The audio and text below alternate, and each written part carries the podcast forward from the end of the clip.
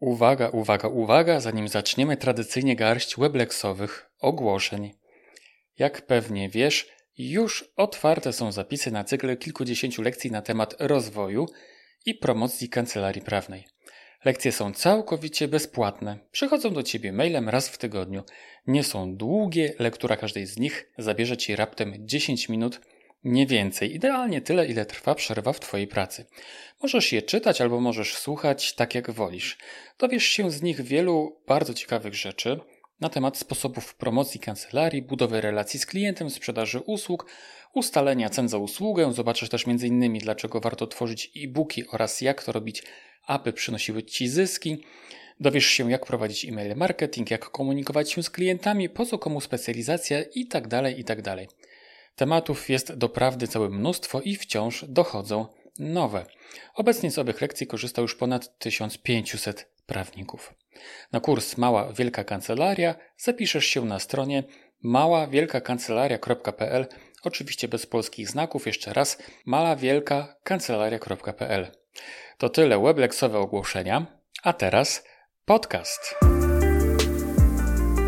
To jest 75. odcinek podcastu w drodze do kancelarii, w którym rozmawiam z doświadczonymi prawnikami, którzy niejedną wiosnę w todze mają już za sobą. Witam cię serdecznie, mówi jak zawsze Rafał Chmielewski. W tym odcinku podcastu jest mała zmiana. Nie goszczę bowiem żadnego prawnika, hmm, albo inaczej – goszczę byłego prawnika, który pewnego dnia postanowił, że prawnikiem nie chce być i już i zaczął świadczyć usługi marketingowe i biznesowe dla kancelarii prawnych. I robi to już kilkanaście lat, osiągając sporo sukcesów na tym polu. Moim gościem jest Szymon Kwiatkowski, właściciel agencji Marketing Prawa zajmującej się właśnie marketingiem oraz PR-em kancelarii prawnych. Zaprosiłem Szymona do rozmowy, gdyż chciałem pogadać o bardzo starym narzędziu marketingowym, które, tak uważam, jest w bardzo niewielkim stopniu wciąż wykorzystywane przez prawników i przez kancelarie prawne. A mam na myśli e-mail marketinga, więc wykorzystanie tradycyjnego newslettera. Nie angażowałbym Szymona i jego czasu, gdyby nie to, że Szymon w swojej agencji wdraża kampanie e-mail marketingowe, zatem sporo na ten temat wie. A ponadto uważam, że prawnicy w ogóle powinni łaskawszym okiem spojrzeć na e-mail marketing. U zarania internetu e-mail marketing był jednym z niewielu narzędzi marketingu i promocji. Wraz z pojawieniem się mediów społecznościowych wielu zaczęło wieszczyć schyłek i upadek tej formy komunikacji. Tym bardziej, że wiele firm faktycznie zaczęło spamować w brzydki sposób konta mailowe swoich odbiorców. E-mail marketing przetrwał jednak próbę czasu i dziś jest jedną z najlepszych form kontaktu z klientami i potencjalnymi klientami, wymagającą, ale bez wątpienia wartą uwagi. Warto zatem bliżej przyjrzeć się e-mail marketingowi i posłuchać tego, co Szymon Kwiatkowski ma do powiedzenia. A o czym rozmawiamy? Rozmawiamy o tym, co to w ogóle jest e-mail marketing, jak można zorganizować najprostszy e-mail marketing w kancelarii, jakie są największe wartości e-mail marketingu, jak zmotywować ludzi do zapisywania się na newsletter, jak często wysyłać wiadomości do subskrybentów, dlaczego ważna jest regularność w wysyłce e-maili, czy da się sprzedawać usługi prawne za pomocą e-mail marketingu, jak rozpocząć e-mail marketing w kancelarii, z jakich narzędzi warto korzystać i jak w praktyce wykorzystywać zbierane dane. Zanim zaczniemy, dodam oczywiście, że podcast w drodze do kancelarii jest z dumą wspierany przez Weblex Bookkeeping, oferujący najwygodniejszą księgowość prawniczą na tej pięknej ziemi. Ofertę księgowości kancelarii prawnej znajdziesz w prosty sposób na stronie najwygodniejsza księgowość prawnicza.pl, oczywiście bez polskich znaków, jeszcze raz najwygodniejsza księgowość prawnicza.pl. Panie i panowie, Szymon Kwiatkowski.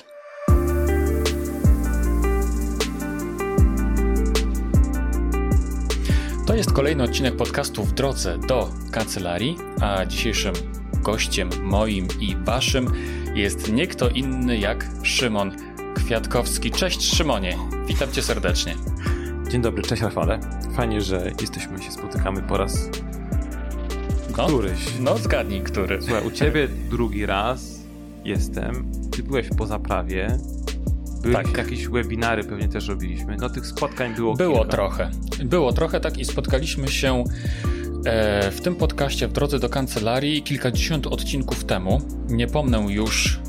Tak, rozmawi- tak rozmawialiśmy, rozmawialiśmy zdalnie i ja pamiętam, że mieliśmy Tak, takie dosyć, e, znaczy ja miałem duże problemy e, z dźwiękiem, a z różnych tam powodów, ale to były początki tego podcastu tak naprawdę, nie więc... tych problemów.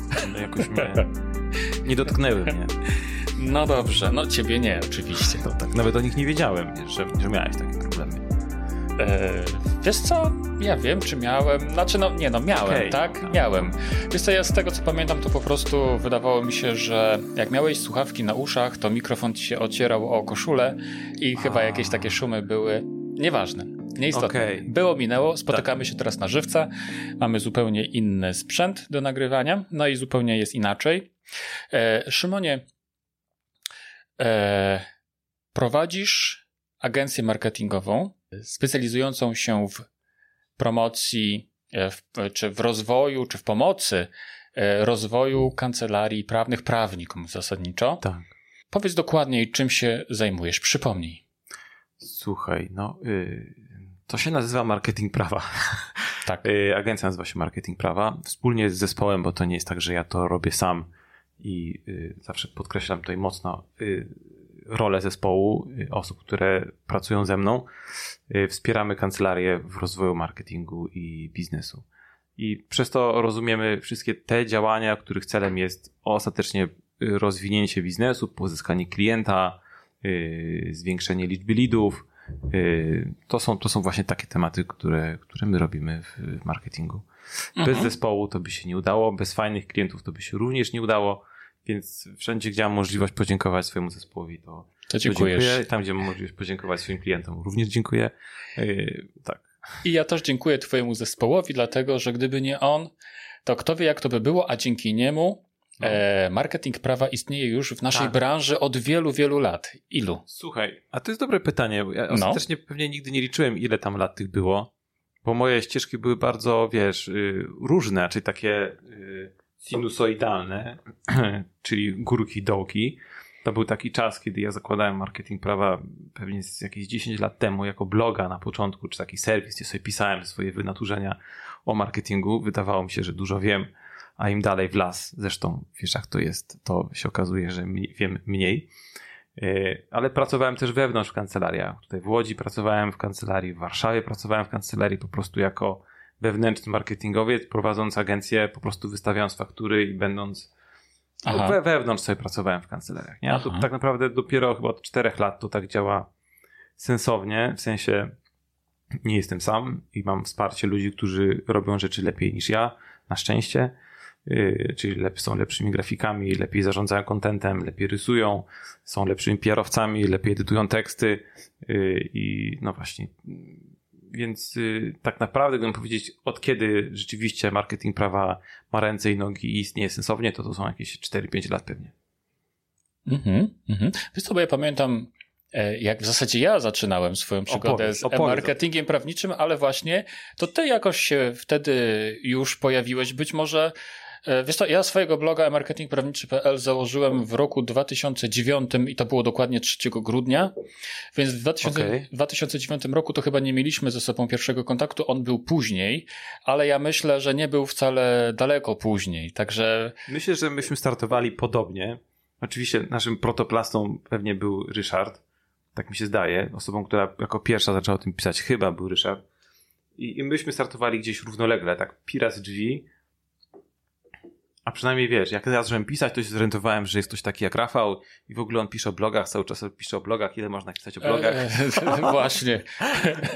No. A ja pisałem, wiesz, o wszystkim i o niczym, yy, a czyli ja pisałem o bardzo wielu rzeczach, yy, ale to był mniej więcej ten sam start. Przy czym, no tak. Bo mówiąc o Ryszardzie, masz na myśli szanownego Ryszarda Oczywiście. Sofińskiego, którego z tego miejsca pozdrawiamy. Pozdrawiamy, wysyłamy kwiaty i uściski. Tak. No właśnie, ja pamiętam, że wtedy wyszedłeś z taką propozycją zorganizowania konferencji wspólnej. Powiedz, nieźle. No opowiedz, jak to wyglądało z twojej perspektywy. no, zadzwoniłeś do mnie, ja to pamiętam dokładnie. Dawaj, dawaj, dawaj. Pamiętam tą rozmowę i zaproponowałeś, zaproponowałeś, żebyśmy zrobili konferencję razem i to był bardzo dobry pomysł, tylko tyle, że ja go wtedy zbanowałem. I powiedziałem, że to jest zupełnie bez sensu. Y, ja tę konferencję zrobiłem potem. Jako y, z Ryszardem zresztą pozdrawiam po raz, pozdrawiamy po raz drugi. No. Y, jeździliśmy po różnych po miastach w Polsce i tam spotykaliśmy się z prawnikami. I to był dla mnie, to był dla mnie chrzest bojowy, wiesz, takiego zarówno prowadzenia biznesu, jak i szkolenia, zweryfikowania tego, co ja wiem w stosunku do tego, co wiedzą ludzie, którzy przyszli na, na te nasze szkolenia. Współpracy ze sponsorem, bo sponsorem wtedy był Wolters Kluwer, czy jakiś takim, wiesz, nie no, on był sponsorem, tak, tam mhm mieliśmy jakąś umowę sponsorską, jakąś kwotę sponsorską, nie pamiętam okay. jaka to była, pamiętam tylko, że drodzy przyjaciele z Woltersa, musiałem się dopominać o pieniądze, o przelew, e, ale współpracę wspominam bardzo miło, bo tam e, przyjeżdżali fajni ludzie, którzy mieli swoje prelekcje. A dlaczego ty zbanowałeś ten pomysł, powiedzmy? Bo mi się wydawał zupełnie bez sensu. Nie, wydawało mi się, że on po prostu, że, że to nie wypali, tak? Ale, ale konferencja wam wypaliła, tak? Wszystko było tak. dobrze. Tak, tak, wypaliło. No to mieliśmy się... tam, nie mieliśmy tłumów, to było, wiesz, w każdym mieście po tam 10-15 osób. Yy, yy, ale to była konferencja płatna, w sensie tam nie przychodziłeś za free. A, yy, okay. Czyli oprócz tego, że musiałeś zapłacić, żeby przyjść. Yy, I no to był niezły challenge, wiesz, taki, żeby no zrobić no to wtedy. Był, ja sobie, wiesz, ja sobie to mogę wyobrazić. E, wiesz, e, ja nie, nie wierzyłem w powodzenie takiego projektu, tak? Byłem w błędzie, jak widać, z perspektywy czasu. E, natomiast, że to był, że to było wyzwanie, to jestem w stanie sobie to wyobrazić, tak. gdyż to były przede wszystkim inne czasy. Tak. No nie, to były takie czasy, kiedy ja musiałem opowiadać tak naprawdę, e, czym jest blog i że w ogóle marketing i promocja kancelarii ma jakiś sens. To prawda, tak. Ty tłumaczyłeś, czym jest blog. W sumie ja też tłumaczyłem, czym jest blog, czym są social. Ja pamiętam, że bardzo dużo czasu poświęcałem na LinkedIna, na Facebooka. To był jeszcze czas, kiedy LinkedIn nie miał polskiej wersji, tylko był angielskojęzyczny tylko a na Facebooku, y, no, Facebook wtedy wyglądał zupełnie inaczej, ale już się wtedy mówiło, że bez reklam na fejsie to nie ma zbyt dużego sensu. Y, był Twitter, więc ja, to był czas, kiedy z tych marketingowych rzeczy mówiłem o rzeczach standardowych, y, czyli o stronie, o blogach, o e-mail marketingu, o którym pewnie dzisiaj też coś powiemy, ale, ale też o LinkedInie i, i o Twitterze. Mhm. Wtedy akurat z tych narzędzi korzystałem, i wiedziałem, że one są dobre. I powiedziałem, że są dobre. No, no ale, ale to powiedz w takim razie, czy korzystasz teraz z tych narzędzi? Dalej. Znaczy, wiesz, to są takie filary. Y, wtedy, wtedy opowiadałem o, o poszczególnych narzędziach i dalej z nich korzystam w różnej, może w trochę zmienionej formie. To znaczy, jeżeli pracujemy z kancelariami, to zazwyczaj wachlarz narzędzi, z których korzystamy, to jest coś opartego o bloga, wiesz, o czymś, co może to już nie jest taki blog, jak, jakim myśleliśmy te 10 lat temu. Sekcja komentarzy, wiesz, takie y, relacyjne wywody, y, budowanie relacji z, z, z, z, czytelnikiem. To już nie jest, to nie jest to. To jest raczej teraz, to mógłbym nazwać to dalej blogiem, może serwisem wiedzy, czymś takim, gdzie raczej są artykuły w sensie, jak rozwiązać produkt X, tam problem X w pięciu krokach, nie? Jak zrobić pyszną jajecznicę w pięciu stopach no. Five steps to, to best. Na wiesz. trzech paragrafach. Tak, dokładnie. Więc raczej ta komunikacja idzie w tę stronę trochę. Yy, przynajmniej u nas, nie? Yy, jest sobie komunikacja ta LinkedInowa, która cały czas według mnie jest, czy ten serwis cały czas jest najfajniejszy dla prawników pod kątem zasięgów, możliwości rozwoju, profile osobowe, company page. No i jestem takim mocnym piewcą cały czas e-mail marketingu. Od kiedy o nim mówię, to uważam, że to jest yy, cudowne i i bardzo dobre narzędzie cały czas, e, bo no ono, wiesz, ono, y, mm, mam wrażenie, że ono dobrze zrobiony newsletter, e-mail z dobrą personalizacją, oczywiście tutaj, wiesz, to, to zależy, to zależy jaka personalizacja i tak dalej, ale to jest cały czas narzędzie, które właśnie buduje relacje na linii klient-autor. tak. Zaraz do tego przyjdziemy. Szymonie. Ja bym chciał cię jeszcze zapytać, żebyś powiedział coś o sobie więcej e, w sensie twojej przeszłości, bo ty nie, nie wziąłeś się po prostu, że tak powiem, nie urwałeś się z choinki, nie wpadłeś do branży prawniczej i nie powiedziałeś, Jezu, teraz wam poprzewracam w, głowach i od dziś będziecie prowadzili super promocje Tak. w, i tak dalej. Tylko, że ty po prostu ty byłeś prawnikiem, w sensie jesteś po studiach prawniczych, kończyłeś aplikację. Historia jest taka, że rzeczywiście ja jestem po studiach prawniczych i zacząłem aplikację, którą zakończyłem, zacząłem aplikację radcowską Team Blue yy, i zakończyłem ją po albo po pierwszym roku, albo w ogóle pierwszego roku nie zdałem. W sensie No. nawet nie podchodziłem. Chyba było tak, że nie, pod, nie podszedłem do jakichś tam egzaminów na pierwszym roku i, i zakończyłem tę zabawę z aplikacją. A powód, dla którego zakończyłem zabawę z aplikacją jest taki, że, yy, że ja już nie mogłem po raz enty otworzyć kodeksu i się uczyć, wiesz, czytać po raz kolejny tego samego przepisu i jakiegoś orzecznictwa, jakieś komentarzy do tych przepisów. To już było po prostu ponad moją yy, zdolność przyswajania tekstu, treści, wiedzy. To już było dla mnie za dużo. Okej. E, Skończyłeś studia prawnicze tutaj w Łodzi? Tak. E, I dlaczego w ogóle zacząłeś studia prawnicze? Wiesz co? Dlaczego? Są dwa powody, które są najczęściej dla człowieka, który idzie na prawo. To znaczy, nie widziałem alternatywy, nie widziałem innych miejsc, w którym mógłbym się fajnie realizować. Znaczy, nie jestem kimś technicznym, który poszedłby na Politechnikę i sobie świetnie, wiesz, mnożył w słupku, bo ja Mhm. dalej korzystam z, z, z kalkulatora, żeby pomnożyć 5 razy 5. Oczywiście, z, wiesz, yy, skracam to, ale yy, yy, jakby tak, stosunki międzynarodowe po prostu nie znalazłem dla siebie jakiejś tam miejsca, tak by to był pierwsza rzecz, a druga to oczywiście rodzina jest tak mocno prawnicza, że mam wrażenie, że kodeks, no to wyssałem z mlekiem matki. Serio? Serio, mój tata jest y, radcą prawnym, wokół sami, wiesz, znajomi prawnicy, moja żona jest sędzią, tak, i tata jest sędzią. I, i dzie- dzieciom pod poduszkę czytać. e, Never again. E, rozumiem, rozumiem. Czyli po prostu. E, wiesz co, no ja, poszedłem, ja, ja poszedłem to na studia. ciebie? No, okej. Wiesz co, no ja po prostu byłem kiedyś muzykiem. No to wiem, tak. E, tak, ja byłem muzykiem i po prostu jak już zacząłem pracę zawodową jako muzyk, to stwierdziłem, że nie chcę tego wykonywać, że muszę coś ze sobą zrobić. To był rok 95, tak? Mówię o tym roku, dlatego że to może ma znaczenie, żeby jeśli ktoś tak może sobie wyobrazić, jakie wtedy w ogóle panowały klimaty, to było no, w zasadzie 6 lat po odzyskaniu, że tak się wyrażę, niepodległości. No tak, rzeczywiście. No. Więc ta, e, b- 10 lat niemalże przed, no nie, 8, e, kilka lat, 95, no. e, kilka lat przed e, wejściem Polski do Unii Europejskiej, 9 Tak, lat, tak? tak. Przed wejściem do Polski do Unii Tak. Europejskiej, więc to był kompletnie inny klimat i wyobrażałem sobie, że e, co ja mogę robić, tak? Mogę albo iść na prawo, albo mogę iść na ekonomię.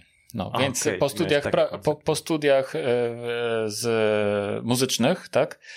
Czy po wykształceniu muzycznym ja, wiesz, z matmy byłem kompletna noga, ale historii to się jeszcze byłem w stanie nauczyć, nie? Więc poszedłem, e, wiesz, No poszedłem, tak. nauczyłem się historii, poszedłem na, na egzamin, a potem przyszedłem na studia e, prawnicze i na pierwszym roku e, z logiki się dowiedziałem, że przyszedłem na te studia dlatego, że nie wiedziałem, co ze sobą zrobić w życiu. Kobieta tak powiedziała tak do nas. to- I powiedziała, ja wiem po co wy tutaj przyszliście i nie oszukujcie się, jesteście tutaj tylko i wyłącznie dlatego, że nie wiedzieliście co ze sobą zrobić, bo taki robi większość studentów studiów prawniczych. No kurde trafiła w sedno. Ale tak wiesz, Więc- mam wrażenie, że tak trafiła z większością y, studentów, którzy potem na studiach, a może na aplikacji odnaleźli gdzieś swoją drogę. Bo na bank idąc, już ci, No, na bank no. idąc na prawo, nie wiesz czego się spodziewać i nie wiesz, masz tylko wyobrażenie o tym, że prawnik to jeździ super Dokładnie zarobistym tak. samochodem i mieszka w środku lasu i ma chałupę z basenem. Dokładnie tak. No wiesz to w roku 95, kiedy ja podejmowałem tę decyzję, tak, no to jeszcze zupełnie były inne też realia, tak, wykonywania zawodu prawniczego, ale ja miałem takie też wyobrażenia, o których ty mówisz, no nie? Ale być może też to tak w sumie trochę wyglądało, bo to jeszcze nie było takiej dużej konkurencji, nie trzeba było się tak zabi- zabijać o tak, klientów i no. tak dalej, i tak dalej. Ja generalnie rzecz biorąc chciałem po prostu zmienić swoje życie.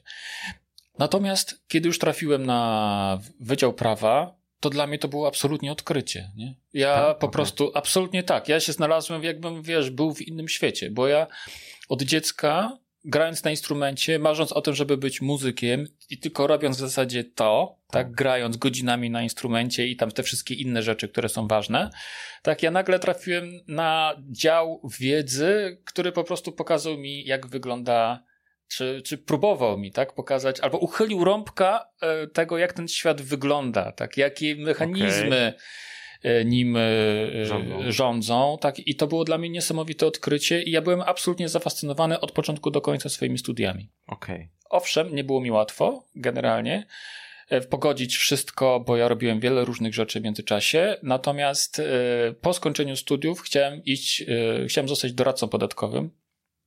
Poszedłem do pracy w KPMG i tutaj dostałem strzałem w pysk. Bo, Z plaskacza. E, tak, bo e, wiesz co, bo e, specjalizując się w, e, w prawie podatkowym na studiach, to e, rozważałem różne teoretyczne problemy. Okej. Okay. E, to, co było bardzo przyjemne. E, Czyli twoje myśli gdzieś tam pływały, gdzieś tam sobie e, tak. podróżowałeś i coś e, wymyślałeś. Wiesz co, ja się w ogóle specjalizowałem w podatkach międzynarodowych, więc te wszystkie, to prawo unijne i okay. umowę o unikaniu podwójnego podatkowania to było to, co mnie absolutnie pasjonowało. Natomiast kiedy trafiłem do korporacji, to się okazało, że muszę otworzyć Excela, muszę otworzyć Ach, księgi rachunkowe i ja pod, muszę umieć coś z tego wyczytać i ja po prostu się kompletnie do tego nie nadawałem. I dlatego musiałem potem opuścić KPMG chciałem to zrobić w pewnym momencie, ale też zostałem do tego w pewnym sensie też i zmuszony, no bo wi wiadomo było, że ja się do tego nie nadaję, bo się też po prostu nie nadawałem, tak? To było oczywiste. E, no i tak, e, e, no i tak, będąc jeszcze w KPMG, nagle założyłem bloga prawniczego i zacząłem na nim, wiesz, zarabiać kupę hajsu, tak? Okay. I tak się, i tak się zaczęła moja przygoda właśnie z Weblexem, więc to tak było. No ale to, ty jesteś moim gościem, pod, jesteś gościem mojego podcastu. Tak. Jesteś moim gościem, więc e, moja historia jest mniej ważna. E, ważne jest, ważniejsze jest to, co ty masz do, do powiedzenia i e, wzrastałeś w rodzinie prawniczej, czego nie wiedziałem w ogóle, tak? Aha, I po prostu okay. tobie się no, znudziło prawo, tak? W pewnym sensie. Wypaliłeś się w tym. E, poczułeś to, to można... dopiero po studiach? Czy jeszcze, czy już w trakcie studiów to czułeś? można, y, gdybyśmy rozmawiali, tutaj siedziałby obok terapeuta, to by, y, albo psycholog, to by tam y, doszukiwał się y, relacji z ojcem albo z jakimś innym, wiesz, takimi tematami. Był tata był radcą prawnym, czy jest. I, ale wiesz, te studia nigdy mnie nie pasjonowały na tyle, żebym ja, wiesz, z radością siedział i rozkminiał jakiekolwiek okay. teorie prawnicze. Przedmioty, które mnie interesowały na studiach prawniczych, to były to, była, to było prawoznawstwo, czyli w ogóle, wiesz, takie teorie, koncepty, y, dlaczego y, jakieś normy są ważniejsze albo są mniej ważne, jak się logika mnie interesowała, albo jakieś, wiesz, tematy filozoficzne mnie interesowały, które teraz sobie odkrywam, w, tamtej, w tamtym momencie one chociaż troszkę mnie, wiesz, zakliknęły, a zupełnie nie zakliknęły żadne tematy związane z, wiesz, z cywilem, z karnym, z procedurą, z administracyjnym. Rozumiem. To były, wiesz, ja przez te studia się po prostu yy, prześlizgnąłem najmniejszym, wiesz, yy, oporem, bardzo często na kampaniach wrześniowych i to, to nie było dla mnie nic fajnego. Okay. Ja, wiesz, moja głowa żyła w zupełnie innym miejscu. Moja głowa żyła na wolontariatach, gdzie wyjeżdżałem, wiesz, remontować jakieś szkoły w jakichś dziwnych miejscach albo jakieś, wiesz, takie tematy. Moja głowa żyła y, na tych, na na żaglach, y, albo gdzieś na wodzie, albo gdzieś w górach. Ja byłem tam. A tutaj z tą książką, z kodeksem, to po prostu nie był mój świat. No, mm-hmm. no i myślę, że wiesz. No tak, no. Spowiedź Szymona Kwiatkowskiego. tak się ułożyło. Wiwisekcja, tak. A mieliśmy rozmawiać o e-mail marketingu. No ale to wszystko jest ciekawe, bo to też Szymonie pokazuje, albo inaczej, to daje takie tło dla twojej obecnej działalności, tak? Tak. I wyobrażam sobie ciebie jako po prostu osobę, która docenia e, wolność, możliwość robienia tego, co w, danym, co w danej chwili chce robić, e, nie robienia tego, czego nie chce robić, tak? E, masz taką chyba duszę, tak mi się wydaje. E, z jednej strony może taką trochę fil filozoficzną, ale z drugiej strony taką właśnie przedsiębiorczą, nie? To jest tak, że to, y, gdybym miał mówić o sobie, co w sumie jest najtrudniejsze, to y, na pewno jest we mnie pierwiastek ten filozoficzny, o którym powiedziałeś. Mhm. Odkrywam go w sobie na nowo od jakiegoś czasu. y, czytając, robiąc różne dziwne rzeczy, to może jakby mniej, ale a tej przedsiębiorczości to się raczej uczę. Bo bycie przedsiębiorcą to jest trudny kawałek chleba, dla mnie przynajmniej. I korzystam z wiedzy innych osób, żeby nauczyć się zarządzać firmą, pracować nad firmą, a nie w firmie. A, a mój umysł, wiesz, on lubi podróżować, właśnie w bardzo wielu różnych miejscach być naraz, więc uczę się, wiesz, procedur, uczę się zarządzania organizacją jako, jako taką. I te, może tak, ta filozofia, o której powiedziałeś, ona mi wpada po prostu od razu w głowę. Ta przedsiębiorczość to jest coś, czego, co mi nie wpada w głowę, a muszę dostać od kogoś i sam się tego nauczyć. Mhm, mhm. Jasne, bo wiesz, bo mam na myśli to, że e, ta przed, że, znaczy przedsiębiorczość to się składa z takich dwóch elementów, że z jednej strony to masz po prostu ideę przedsiębiorcy, że chcesz nim być, nie? Tak. I nim się stajesz, zakładasz działalność gospodarczą i nim jesteś, ale to jest jedna rzecz. A druga rzecz to jest to po prostu to codzienne grzebanie się, przepraszam, w głównie, nie? Tak.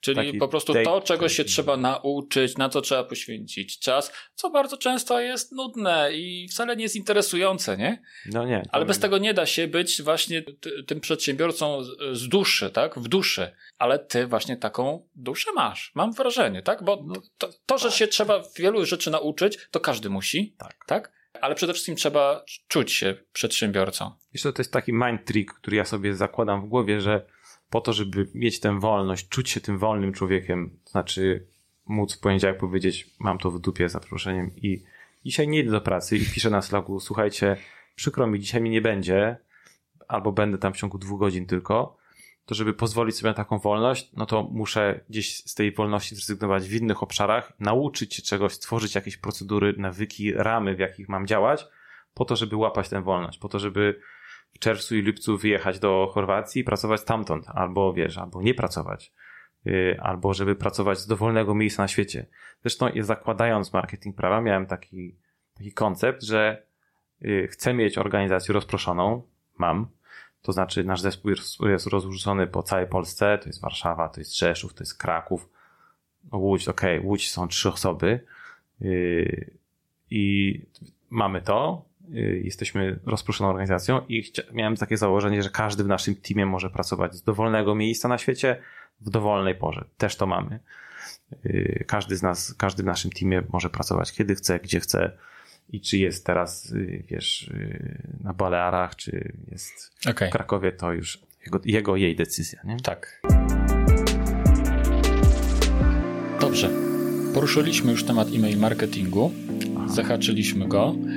E, I chciałbym właśnie o tym z Tobą porozmawiać, e, a to z tego powodu, że uważam, że jest to jedno z najfajniejszych, najciekawszych, najbardziej e, pomocnych, najbardziej energooszczędnych narzędzi do promocji.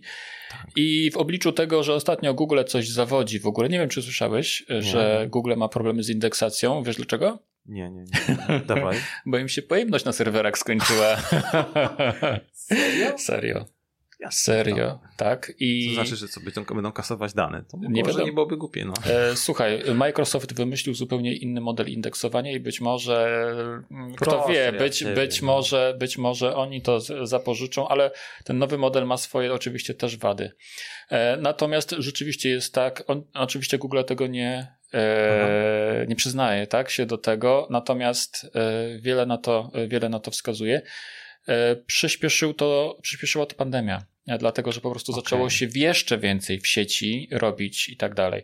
Więc y, po prostu no, Google no, no, zapchało się, tak? Wybudowanie kolejnej serwerowni to jest y, y, podobno bardzo duży wydatek i podobno nawet nie stać na to Google, taki, żeby taką inwestycję na już zrobić, żeby po, poszerzyć te serwery. Więc okay. e-mail marketing jest sposobem też i na to, żeby mm.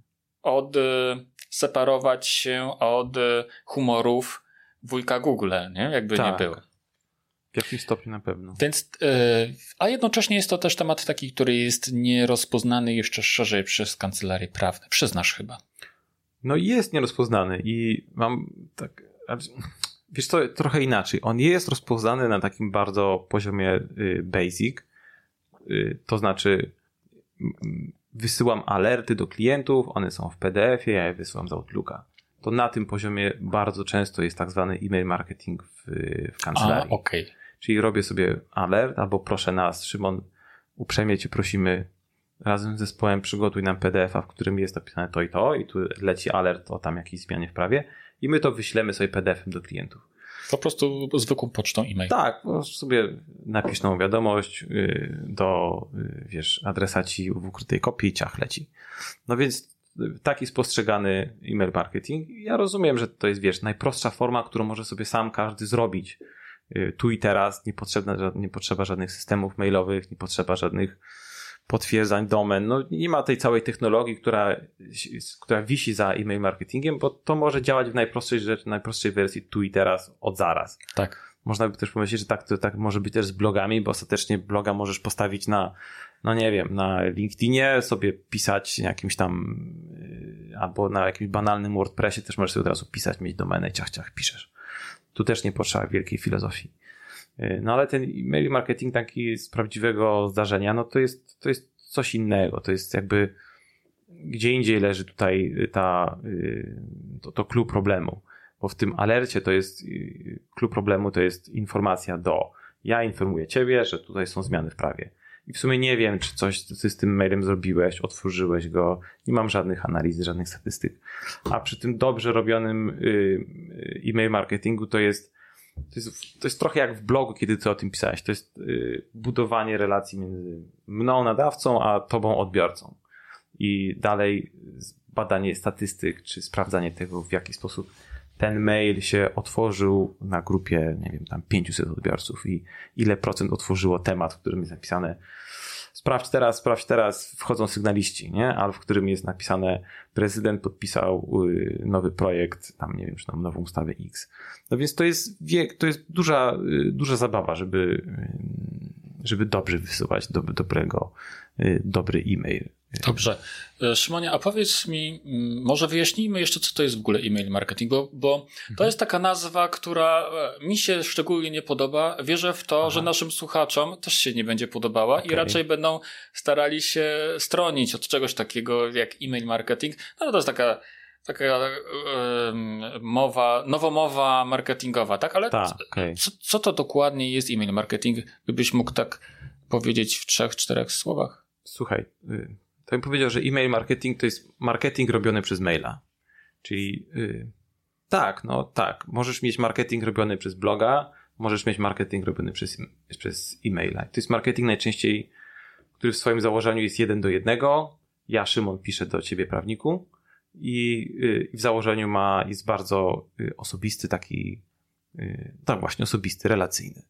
Y, y, no to, tak, to tak, mhm. tak go wytłumaczył. A że idzie akurat masowo, mhm. się wysyłam jednym kliknięciem, wysyłam do 500, 1000, do 1500, do dowolnej liczby adresatów, no to już jest inna, jakby inna para kaloszy. Ale w założeniu jest to marketing robiony przez e-maila. Mhm. A gdybyś mógł tak wskazać jedną najważniejszą mm, cechę, wartość hmm. e-mail marketingu, to co to by było? To, to, to, jedną, to zróbmy tak, dwie rzeczy. Pierwsza to jest taka, że Pierwsza cecha, nie jedno, a będą, będą dwie. Pierwsza cecha taka techniczna jest taka, że mój e-mail jest bardzo często uniezależniony od widzimisię Facebooka, LinkedIna, Google'a, kogokolwiek, ponieważ on jakby, yy, jeżeli piszę coś na fejsie, to face zazwyczaj tnie moje zasięgi, nie? No Nawet jeżeli mam tysiąca, tysiąc osób, która lubi moją stronę, to jeden post dotrze tam, nie wiem, do 100, do 50 bez wsparcia, nie? A... Znaczy, y, jeżeli na Facebooku masz tysiąc, no to ten post dojdzie do trzech. No tak, nie tak. To chciałem być bardziej, wiesz, pozytywny w swoich myślach. A, y, a e-mail marketing jakby nie ma, tak, nie ma tej blokady, nie ma tej kłódki założonej przez jakiegoś tam On jest raczej mhm tak jak my zbudujemy sobie naszą jakość tej listy, tak. tych adresatów, jak my zbudujemy sobie tą korespondencję z ludźmi, tak dobrzy jesteśmy y, w odbiorze naszych, y, w odbiorze odbiorców, nie? Tak. Więc to jest jakby pierwsza rzecz. Jesteśmy uniezależnieni, to jest nasz dom, nasza chałupa, my tutaj rządzimy. A druga rzecz to jest taka, że e-mail marketing jest, e-mail w ogóle jest najbardziej y, prywatnym według mnie takim nośnikiem informacji. Każdy z nas ma e-maila. Jeżeli masz Face'a, kont na fejsie, to masz swojego e-maila. Po prostu nie ma innej opcji. No może na telefon jeszcze założyć konto, ale jak już masz LinkedIna, to masz swój adres e-mailowy. I oczywiście niektórzy mają adres e-mailowy czysto pod spam albo czysto pod newslettery. E, ale dobrze zrobiony marketing, na dobrze, na dobre newslettery zapisujesz się adresem, z którego rzeczywiście mhm. czytasz i z którego korzystasz. Mhm. Więc mhm. mam, wiesz, podsumowując, mamy jak takie dwie, dwie nogi. Pierwszy to jest, to jestem uniezależniony od Face'a, LinkedIna, od, od dostawców y, społecznościowych, a druga jest to najbardziej osobisty, personalny sposób komunikacji, e-mail. Mhm, mhm. W jaki sposób motywować y, ludzi, żeby się chcieli zapisywać na listę mailingową? Hajsem. Jak się zapiszesz, dostaniesz hajs. Nie, no żartuję. Ale coś w tym... Yy... Znaczy, wiesz co? Wiesz, e, tak, po... że... Szymonie, przepraszam, że ci przerwę, tak? E, z jednej strony może zażartowałeś, bo oczywiście nie słyszałem, żeby ktoś coś, ktoś coś takiego robił. Ale znam przypadek firmy, która żeby się rozwinąć, okay. płaciła ludziom za tak za to, żeby kupowali jej usługi, tak? A mam na myśli dokładnie PayPola, który nie mógł tak. ruszyć z miejsca i zaoferowali subskrybentom, czy tam osobom, które się zakładają konta 10 dolarów. Tak, no ale patrz, masz sposób. Revoluta na przykład teraz, zaproś znajomego, są y, linki referalowe, zaproś znajomego, ty dostaniesz 50 zł i on dostanie 50 zł. To jest, wiesz, mechanizm, wiesz, bardzo powszechny. Czyli no. w zasadzie niby zażartowałeś, ale było w tym ziarno geniuszu. No tak, jest w tym ziarno prawdy. Prawie ta obietnica tych pieniędzy jest w innym miejscu. Nie bezpośrednio zapisz się, dostaniesz 5 zeta, czy tam 50 zł, bo tak to by się ludzie pozapisywali dowolnym e-mailem i wiesz, byłby to raczej byś zbankrutował. Y, raczej obietnica jest inna. Zapisz się tutaj, teraz, będziesz ode mnie dostawać regularnie jakiegoś rodzaju informacje. Weźmy na przykład popularni sygnaliści teraz, y, którzy tam się niedługo pojawiają, albo jakieś tematy podatkowe z twojej dziedziny będziesz dostawał od nas jakąś tam paczkę informacji, a na koniec pokażemy Ci, nie wiem, jakiś produkt, na którym będziesz mógł zarobić, albo zwiększysz swoje kompetencje, albo ograniczysz jakieś ryzyko, skrócisz czas wypełnienia jakichś deklaracji podatkowych, whatever, wiesz, czyli y, ta obietnica czegoś, co będzie w przyszłości, nie musi być kwotowa, ale może, może być związana z, ze zwiększeniem kompetencji, z mhm. jakimś ograniczeniem jakiegoś ryzyka, z zmniejszeniem czasu poświęconego na realizację jakiegoś tam, y, jakiejś tam rzeczy, y, czy możliwość w ogóle kupna jakiegoś kursu, który zwiększy twoje kompetencje. Więc ta, w przyszłości jest, musi być jakaś korzyść, oczywiście. Y, mm, ta korzyść najlepiej, jeśli byłaby związana z pieniędzmi, oczywiście, bo to jest, wiesz, no tak. zwiększenie albo zarabiania, albo zmniejszenie straty, albo zwiększenie kompetencji, albo też schudniesz. No, gdyby, wiesz, usługi prawnicze powodowały, że schudniesz, to myślę, że mielibyśmy tam tłumy. czekaj, czekaj, musimy się nad tym zastanowić. Schudniesz, no. albo wiesz, gdzieś sylwetkę na lato i tam się pokazać na plaży. E, no. E, I potem ci ludzie się zapisują na, e, na tą listę mailingową i według ciebie jak często trzeba wysyłać potem jakieś wiadomości? My zazwyczaj działamy w ten sposób. Mamy sobie projekty, które od, od maja tamtego roku są wysyłane raz w tygodniu, w piątek o 12, od maja. Czyli to już poleciał rok. Mhm. mamy sobie jednego klienta, który, z którym pracujemy miesiąc miesiąc, raz w tygodniu wysyłamy newsletter. Tak. Y, I to jest, wiesz, ogromne zaangażowanie jego, bardzo duże zaangażowanie nasze, więc w ogóle ukłony, że, y, że się decyduje i że jakby ma w sobie energię, żeby to prowadzić no ale też widać może jakby efekty z, tego, z tego newslettera. Y, ale większość newsletterów, które prowadzimy, ma jakieś ramy czasowe, na przykład wakacje. Od czerwca do sierpnia, też raz w tygodniu, ogarniam jakiś temat, buduję sobie tam społeczność odbiorców, mogę dorzucić do tego newslettera na przykład zamkniętą grupę na LinkedInie, czy na Fejsie, czy na jakimś Discordzie, gdzie kto chce. A na końcu, po zakończeniu wakacji, y, to do tej grupy uruchamiam jakiś kurs, albo uruchamiam jakiś produkt, albo zaczynam sprzedawać swoją usługę. Mhm. Y, więc bardzo często nasze projekty e-mail marketingowe są po prostu ograniczone jakoś tam czasowo. Mhm. Y, natomiast y, w całym e-mail marketingu bardzo ważna jest regularność i budowa nawyków u odbiorców, czyli jeżeli decydujesz się wysyłać, to wysyłaj o określonej czasie, określonym, określonym dniu, określonej godzinie, nie dlatego, że wiesz, że ludzie teraz budzą się rano i o 12 w wtorek to wiedzą, że dostaną ciebie e-maila i gdzie ten e-mail? Dlaczego jeszcze nie przyszedł e-mail od kancelarii? Raczej po to, żeby oczywiście uczyć siebie regularności, uczyć trochę odbiorców tej, tej regularności, bo nikt nie wstanie, nikt nie oczekuje tego maila, ale jak go nie otrzymają, to w środę się zastanowią, kurde, miał być mail, a, a nie ma. A miesiąc temu był taki fajny, a tydzień temu był taki dobry. Czemu go nie ma? Y, I no, budowa tej regularności jest, jest, jest ważna. Mhm, mhm. A czy za pomocą tych maili według ciebie można coś sprzedawać? No bo wiesz, no bo żeby to nie była sztuka dla sztuki, tak? Żeby tylko prowadzę e-mail marketing, bo, bo nie wiem, bo tak robi konkurencja na przykład, tak? Tylko A, żeby okay. mieć z tego realne zyski. To da się to, zrobić? Y, to tak, są jakby o dwóch case'ach ci opowiem. Jeden taki, gdzie rzeczywiście udało nam się sprzedawać z branży prawniczej y, i z branży nieprawniczej. Y, z branży prawniczej możemy sobie popatrzeć na Deloitte'a, jak on y, pozapisywać na jego newslettery i tam Igor, jeśli słuchasz, to... No tak, Igor Bielobradek, tak. pozdrawiamy gorąco. Tak, oklaski, więc można zapisać się na, na newslettery Deloitte'owe, no i o, u nich jest to wiesz, budowanie, budowanie kompetencji, tłumaczenie, bycie pierwszym z jakimś komunikacją, z jakimiś nowymi zmianami. Taki trochę newsowy jest ten, ten, ten, te, te, te ich newslettery, ale to takie, takie pisane trochę, wiesz, ludzkim językiem. Yy, ale oni tam niczego nie sprzedają, w sensie w trakcie, w samym newsletterze nie ma żadnej sprzedaży, sprzedaż jest pewnie gdzieś tam oddalona w czasie, gdzieś jest tam głębiej. Mieliśmy projekt, y, który był na, który jest nacelowany na sprzedaż, i tam sprzedaż, tam była na początku przedsprzedaż, mieliśmy projekt yy, związany z sygnalistami. Właśnie dlatego o nim mówię, bo po prostu tam było, fizycznie był zwrot, wiesz, finansowy z tego. I projekt polegał na tym, że właśnie sobie leci sobie newsletter i w którymś momencie ta ustawa o sygnalistach miała wyjść w grudniu tamtego roku, wiesz, i, i, i autor tego newslettera postanowił opracować poradnik, który wydaliśmy razem ale nim ten poradnik w ogóle wyszedł, to my zrobiliśmy przedsprzedaż tego poradnika.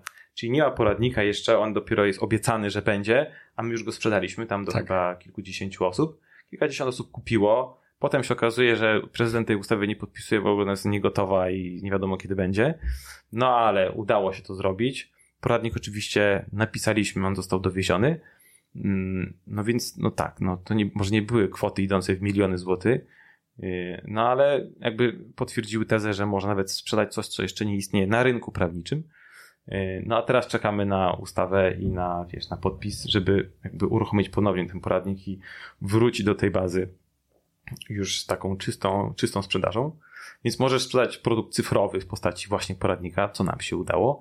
Możesz sprzedawać usługi, co tam też się udaje w przypadku usług HR-owych albo podatkowych. Dla innych klientów prowadzimy kampanię harowe podatkowe.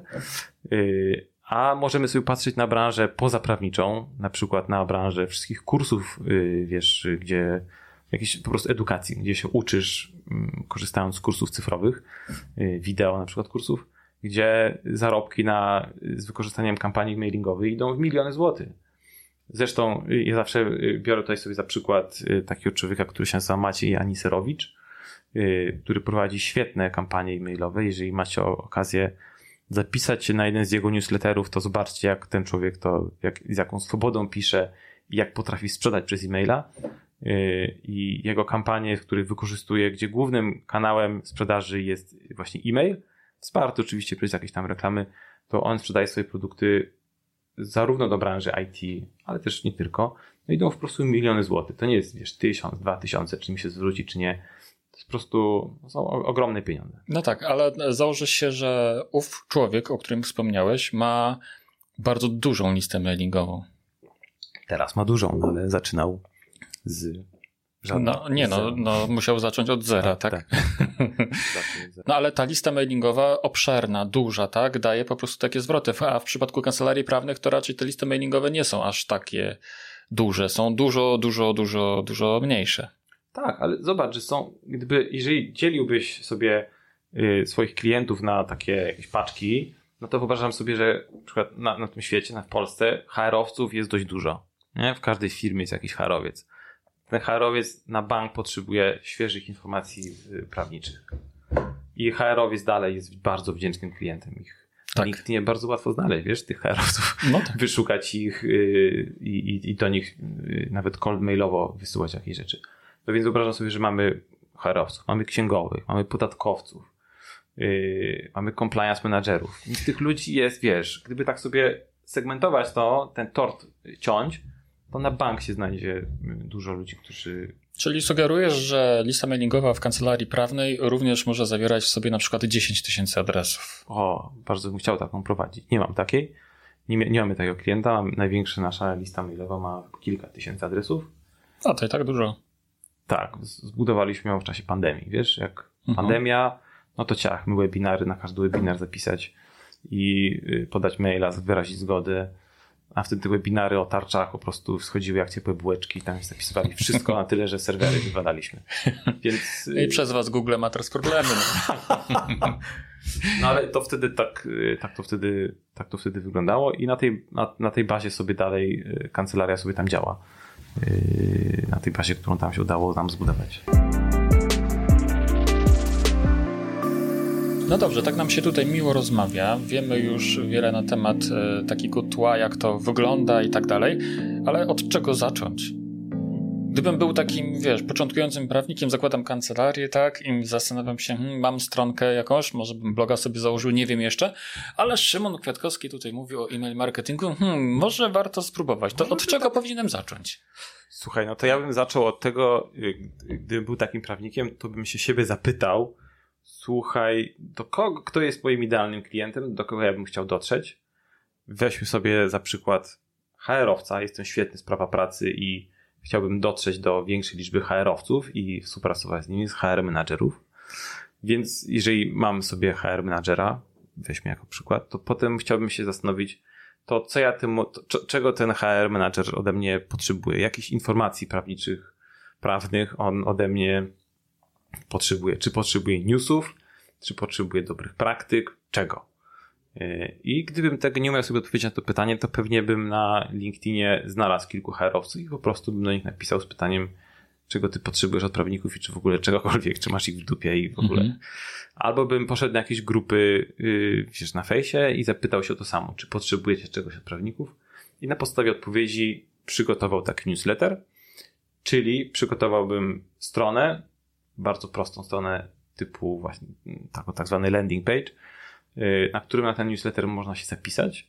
Opisałbym, kiedy ten newsletter wychodzi, kto jest jego autorem, co w tym newsletterze się dostanie y, i tak, i jak często on będzie wychodził, czy do kiedy on będzie wychodził.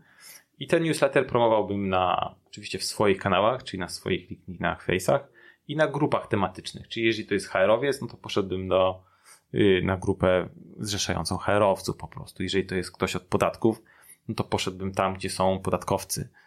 Y, I tam bym tego, tam bym ten newsletter promował. Y, a potem pisząc sam newsletter, raczej byłbym osobą, która wyobraża sobie HR-owca siedzącego przede mną, tak jak ty teraz siedzisz i wyobrażam sobie, że do ciebie pisze mój ty drogi HR-owcu, tu jest tajemna wiedza dla ciebie, specjalnie tylko tutaj dla ciebie bierz, bierz, bierz. Mm-hmm.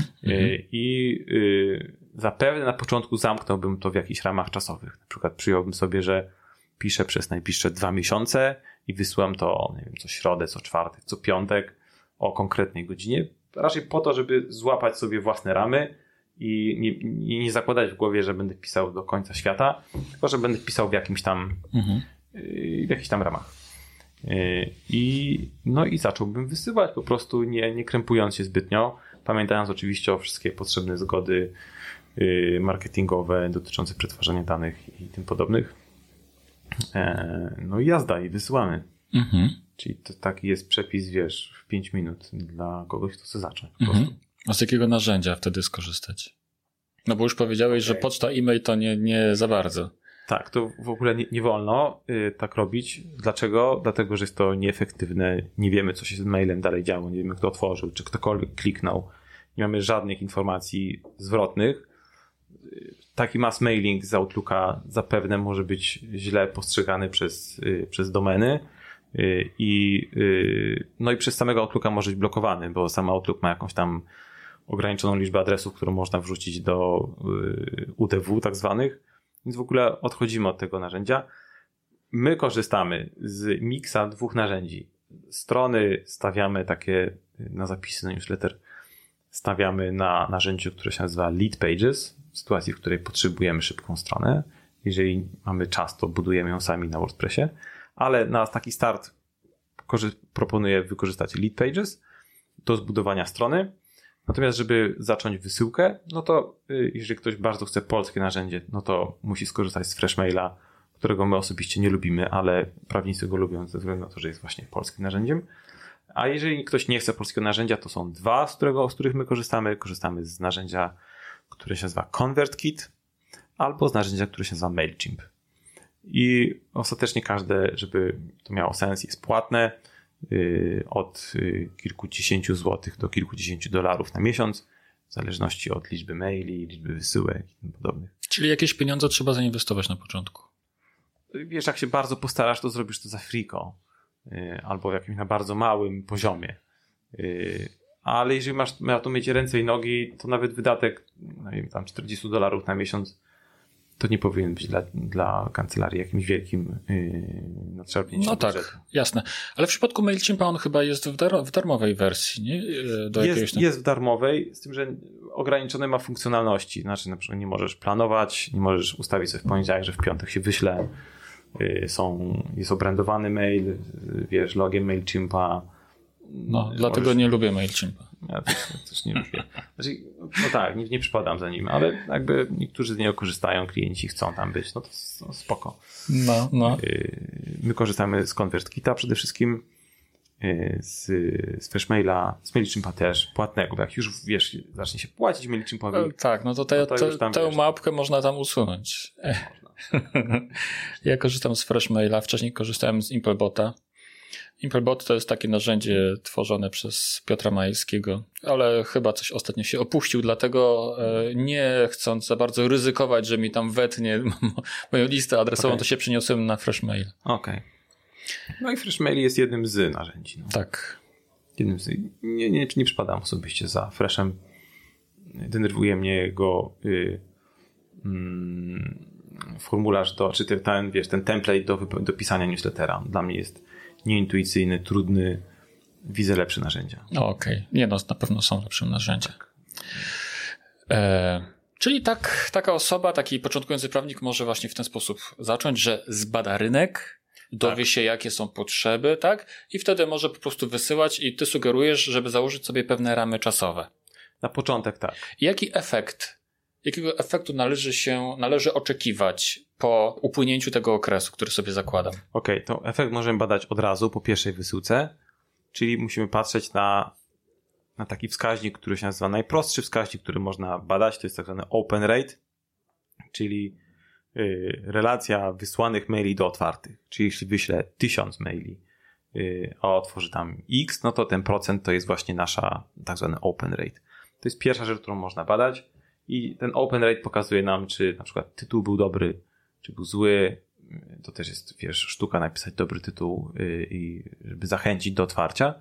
Drugi wskaźnik, który można badać, to jest y, tak zwany click rate, czyli kto kliknął w link, czy jaki procent osób, które otworzyły mail, kliknął w konkretny link.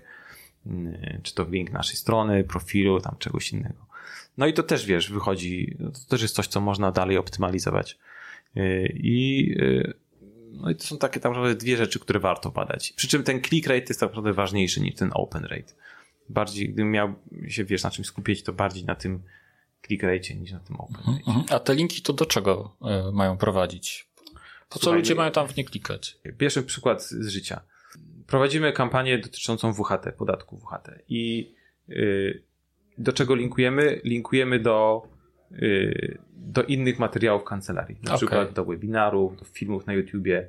Zobacz tutaj więcej. O, albo okay. do, wiesz, innych artykułów naszych w bazie wiedzy, do profili na socialach. Y, Czyli po to, żeby bardziej angażować tak, tak odbiorcę. Mhm. Albo jeżeli, wiesz, widzimy, że ktoś inny ma świetny materiał, y, czy inna kancelaria, czy inny prawnik, no to linkujemy po prostu na zewnątrz. A jeżeli widzimy, że jest jakiś, jakiś materiał taki dodatkowy, który może być uzupełnieniem tego, czym piszemy, to też linkujemy do tego, co jest na zewnątrz. Mhm. A tam na przykład może być, e, nie wiem, informacja o tym, że można skorzystać z oferty kancelarii, tak? tak? W tym dodatkowym tak, materiale gdzieś tam. Tak, tak, tak. Mhm. Można, można linkować oczywiście do stron sprzedażowych. I w ten sposób zaczyna się wszystko kręcić. Tak, jest, są otwarcia, y, już widzisz, że człowiek o nazwisku X, y, Jan Kowalski, małpa firma.pl otworzył mojego maila, kliknął w link, przeszedł na naszą stronę i siedział na tej stronie, nie? I tam poświęcił, siedział na tej stronie sprzedażowej na przykład, albo jakiejś tam specjalizacji, poświęcił dwie minuty. No to można myśleć dalej o tym, że y, skoro już wiemy, że Jan Kowalski u nas był, to może warto by w którymś momencie komunikacji poprosić go o numer telefonu. Wiesz, wysłać mu jakiś tam. A gdybyś dał numer telefonu, to jeszcze będziemy ci wysłać SMS. Mhm, mhm. Mam numer telefonu. Wiem, że ten gość u mnie był na tej stronie, że tam klika, wchodzi, jest na tej stronie skoro mam numer telefonu, to może by warto do niego zadzwonić. Mhm. A panie Januszu, y, bo wie pan co, nasze roboty tutaj podróżujące po Google to y, stwierdził, mówią nam, że odwiedził pan naszą stronę. Czy może potrzebuje pan jakichś dodatkowych informacji, które pomogą panu w biznesie albo w czymś tam jeszcze? Mhm, mhm. no i to się wiesz, tak kręci, w którymś momencie można prostu zadzwonić do klienta. Mhm, mhm. E, umożliwia nam to zbieranie różnych danych na temat klienta, tak dzięki czemu łatwiej się nam potem e, skomunikować. No ale wiesz co, Szymonie, wyobrażam sobie, że niewiele kancelarii w ten sposób robi. Tak, niewiele, ale robią. Nasi klienci robią. Dziękujemy. Okej. Okay. Dobrze, ale ja rozumiem, że też wystarczy po prostu taka mm, podstawowa forma e-mail marketingu. W sensie takim, że no. po prostu wysyłasz na przykład jakiś newsletter, tak? E, raz w tygodniu tak o zmianach w prawie, czy tam o czymś innym, tak dobrze. E, bez konieczności tego dzwonienia i tak dalej. Tak, I tak, okej, okay, dobra. Powiedz mi, dlaczego uważasz, że warto pisać takie maile bardziej takie relacyjne? Aha, okej. Okay. To jest ciekawe pytanie, wiesz, bo, yy, bo fajniej przeczytać o kimś, kto jest człowiekiem po drugiej stronie, a nie jakimś robotem albo, wiesz, metaprawnikiem z, z zadębowego biurka. Fajnie czytać, jak ktoś pisze po prostu, jakby z tobą rozmawiał. I, taki mail po prostu się chętnie otwiera i chętnie się go czyta. Y, jakby można by podejść do tego technicznie. Pisz tak, jakbyś, wiesz, rozmawiał ze mną, czy, czy, czy, czy z potencjalnym klientem, po to, żeby on to przeczytał. Więc można sobie taką ustawić yy, koncept w głowie. Pisz, żeby ktoś to przeczytał. Pisz swobodnie, żeby ktoś to przeczytał, bo wcale nie oznacza, że jak będziesz pisał, posługiwał się parenia, paremiami łacińskimi, to ktoś uzna, że jesteś super mądry. No, to tak nie działa, przynajmniej już teraz. Mhm, mhm. Ale słuchaj, te telefony, oczywiście, ja o nich powiedziałem, więc u nas ten koncept może być taki, że przez wakacje, okej, okay, to jest koncept, jak, jeśli ktoś chce przez wakacje, to i ten webinar, ten podcast pokaże się przed wakacjami, to można zrobić tak. Startuję tam, załóżmy 1 czy 15 czerwca, tak, jestem gotowy na 15 czerwca i mówię do społeczności, słuchajcie, będę pisał ten newsletter do 31 sierpnia, co piątek, on będzie do was wychodził i pod koniec sierpnia ogłoszę swój magiczny produkt, jakiś tam produkt, nie? W trakcie, w, listop- w lipcu i w sierpniu puszczam dwa webinary, nagrywam dwa webinary, dwa live'y, ale żeby zapisać się na webinar czy live, trzeba wziąć telefon, podać swój telefon na jakiejś tam stronie. I y, jak już mam te telefony, mam maile, pod koniec sierpnia odpalam jakiś swój produkt, no to dalej mogę go sprzedawać mailem, ale mogę też zadzwonić, powiedzieć, słuchaj, drogi Marku, Rafale, yy, mam ten, mam, odpaliłem ten produkt, weź go zobacz, przeczytaj, może dla ciebie ciekawy, może nie, daj feedback. Yy, I wiesz, tutaj może tak inaczej, może żeby to uzupełnić, nie tyle chodzi o sprzedaż, co o fajną relację z tą drugą osobą. I, a ten hajs i ta sprzedaż wyjdzie przy okazji dobrej relacji i dobrego wsparcia biznesu od prawnika do klienta. Mhm. Ale ja rozumiem, że to oczywiście też będzie działało w ten sposób, że e, z jednej strony ludzie kupią produkt, jakiś elektroniczny, tak? Cokolwiek no, tak. to będzie, po prostu kup, będą kupowali z listy mailingowej, ale część z nich na pewno także potem chwyci za słuchawkę telefonu tak, i zadzwoni i powie Panie Marku, tak, e, zapoznałem się z pańskim produktem, chciałbym skorzystać z pańskich usług. Tak, dokładnie tak. A, to oczywista sprawa. Albo w ogóle jestem już gotowy teraz kupić ten produkt, co to będzie chciał, chciał go sprzedać w sierpniu, już dawaj mi teraz. Bo chciał już teraz kupić, bo mhm. mi jest tak potrzebny. Mhm. Ale tutaj trzeba się cofnąć do tego kroku pierwszego i zapytać się, do kogo i jaki problem rozwiązujemy. Zresztą mhm. to jest, wiesz, podstawa marketingu. Kto jest klientem, jaki ma problem, jak go jesteśmy w stanie rozwiązać i czy w ogóle jesteśmy w stanie. Jasne. Szymonie, czyli tak naprawdę kancelaria, która by chciała wdrożyć u siebie strategię e, promocji, marketingu e, zawierającą w sobie właśnie e-mail marketing, może się skontaktować z tobą. Zapraszam. I jak, e, jak wy zaczynacie pracę z kimś takim, z taką kancelarią, z takim klientem? Zadajemy te, te cudowne pytania do kogo chcesz uderzyć i co chcesz mu dać temu komuś, jaki jest problem tej osoby, do której mamy pisać. Czyli jeżeli kancelaria nie wie, do kogo chce pisać i, y, i jaki problem ma ta odbiorca, no to musimy to rozkminić. I y, jeżeli nie mamy odpowiedzi na te pierwsze pytania, to rozkminiamy razem z kancelarią, do kogo pisać i jaki problem rozwiązać. Jak już mamy to, to dalej sprawdzamy, czy e-mail marketing w ogóle jest najlepszym narzędziem do tego, żeby prowadzić tę kampanię. Może się okazać, że, że e-mail marketing jest z dupy i nikomu nie pomoże. Może będzie lepsze narzędzie inne. Załóżmy yy, reklamy, nie? Albo coś tam innego. Można wymyślić, może obecność w prasie albo w telewizji będzie zupełnie lepsza. Yy, ale zazwyczaj ten e-mail marketing jest, no bo tam są, wpadają maile, to są lidy i to są potencjalni klienci. Więc mamy ten pierwszy punkt, klient, problem, rozwiązanie w postaci e-mail marketingu, ramy czasowe, kto pisze, jaki autor, jaką dostają nas wsparcie w postaci redakcji tych artykułów, kto wysyła, my czy wy, kto bada statystyki, co, robi, co sprzedajemy na koniec. No i to jest taki, wiesz, projekt na 2-3 miesiące. A potem? No, a potem sprzedaż yy, i zamknięcie sprzedaży i ewentualnie kontynuacja albo nowe otwarcie, nowy produkt, mhm. nowi klienci. Zazwyczaj to wychodzi, wiesz, nowy produkt. Najlepiej w roku zrobić sobie takie kamienie milowe w postaci czterech produktów, co kwartał mieć jeden. Mhm, mhm. Czyli wiesz, do marca mam jeden, tam kolejny kwartał kolejny produkt i je rotować. I w 2022 roku ten produkt w pierwszego kwartału ma taką cenę, wygląda tak, ale go reaktywuję w pierwszym kwartale 2023 roku, czy tam nie wiem, w czwartym kwartale 2022 roku i on ma inną cenę, jest uzupełniony, jest taki update. Bo mówiąc o produktach, masz na przykład na myśli jakiś, jakiegoś e-booka, tak? E, jakieś no, nagrane szkolenie, czy webinar nagrany, e, czy coś innego, tak? Coś, tak takie rzeczy masz na, najprościej, na najprościej jest to właśnie jakiś produkt cyfrowy, y, czy to e-book, szkolenie. Y, trudniej jest oczywiście z takim y, produktem usługą, taką typową usługą, ale ona też jest jak najbardziej możliwa. Idealnie to wygląda w podatkach, kiedy masz jakieś konkretne terminy na rozliczenia. I yy, te podatki się zmieniają z chwili na chwilę, więc można dodać coś do tego, do tej usługi albo, albo coś zmienić. Yy. Nie, nie, podatki się nie zmieniają. Nie, nie, nie w ogóle. Nie, nie, to, to, to jest jak, jak prawo spadkowe. jak kodeks Napoleona. Dobrze, Szymonie, jak się z Tobą skontaktować? Ludzie, którzy słuchają, prawnicy, którzy słuchają tego podcastu, w jaki sposób mogliby się z Tobą skontaktować? Jeżeli najprościej i najszybciej. Jeżeli są najprościej, najszybciej, to jest to mail Szymon Małpa, marketingprawa.pl. Szymonie, bardzo dziękuję Ci za rozmowę. Ja przypomnę, ja przypomnę, że gościem podcastu w drodze do kancelarii był Szymon Kwiatkowski, właściciel agencji marketingprawa.pl. Dziękuję bardzo. Rafale, bardzo Ci dziękuję. Dzięki.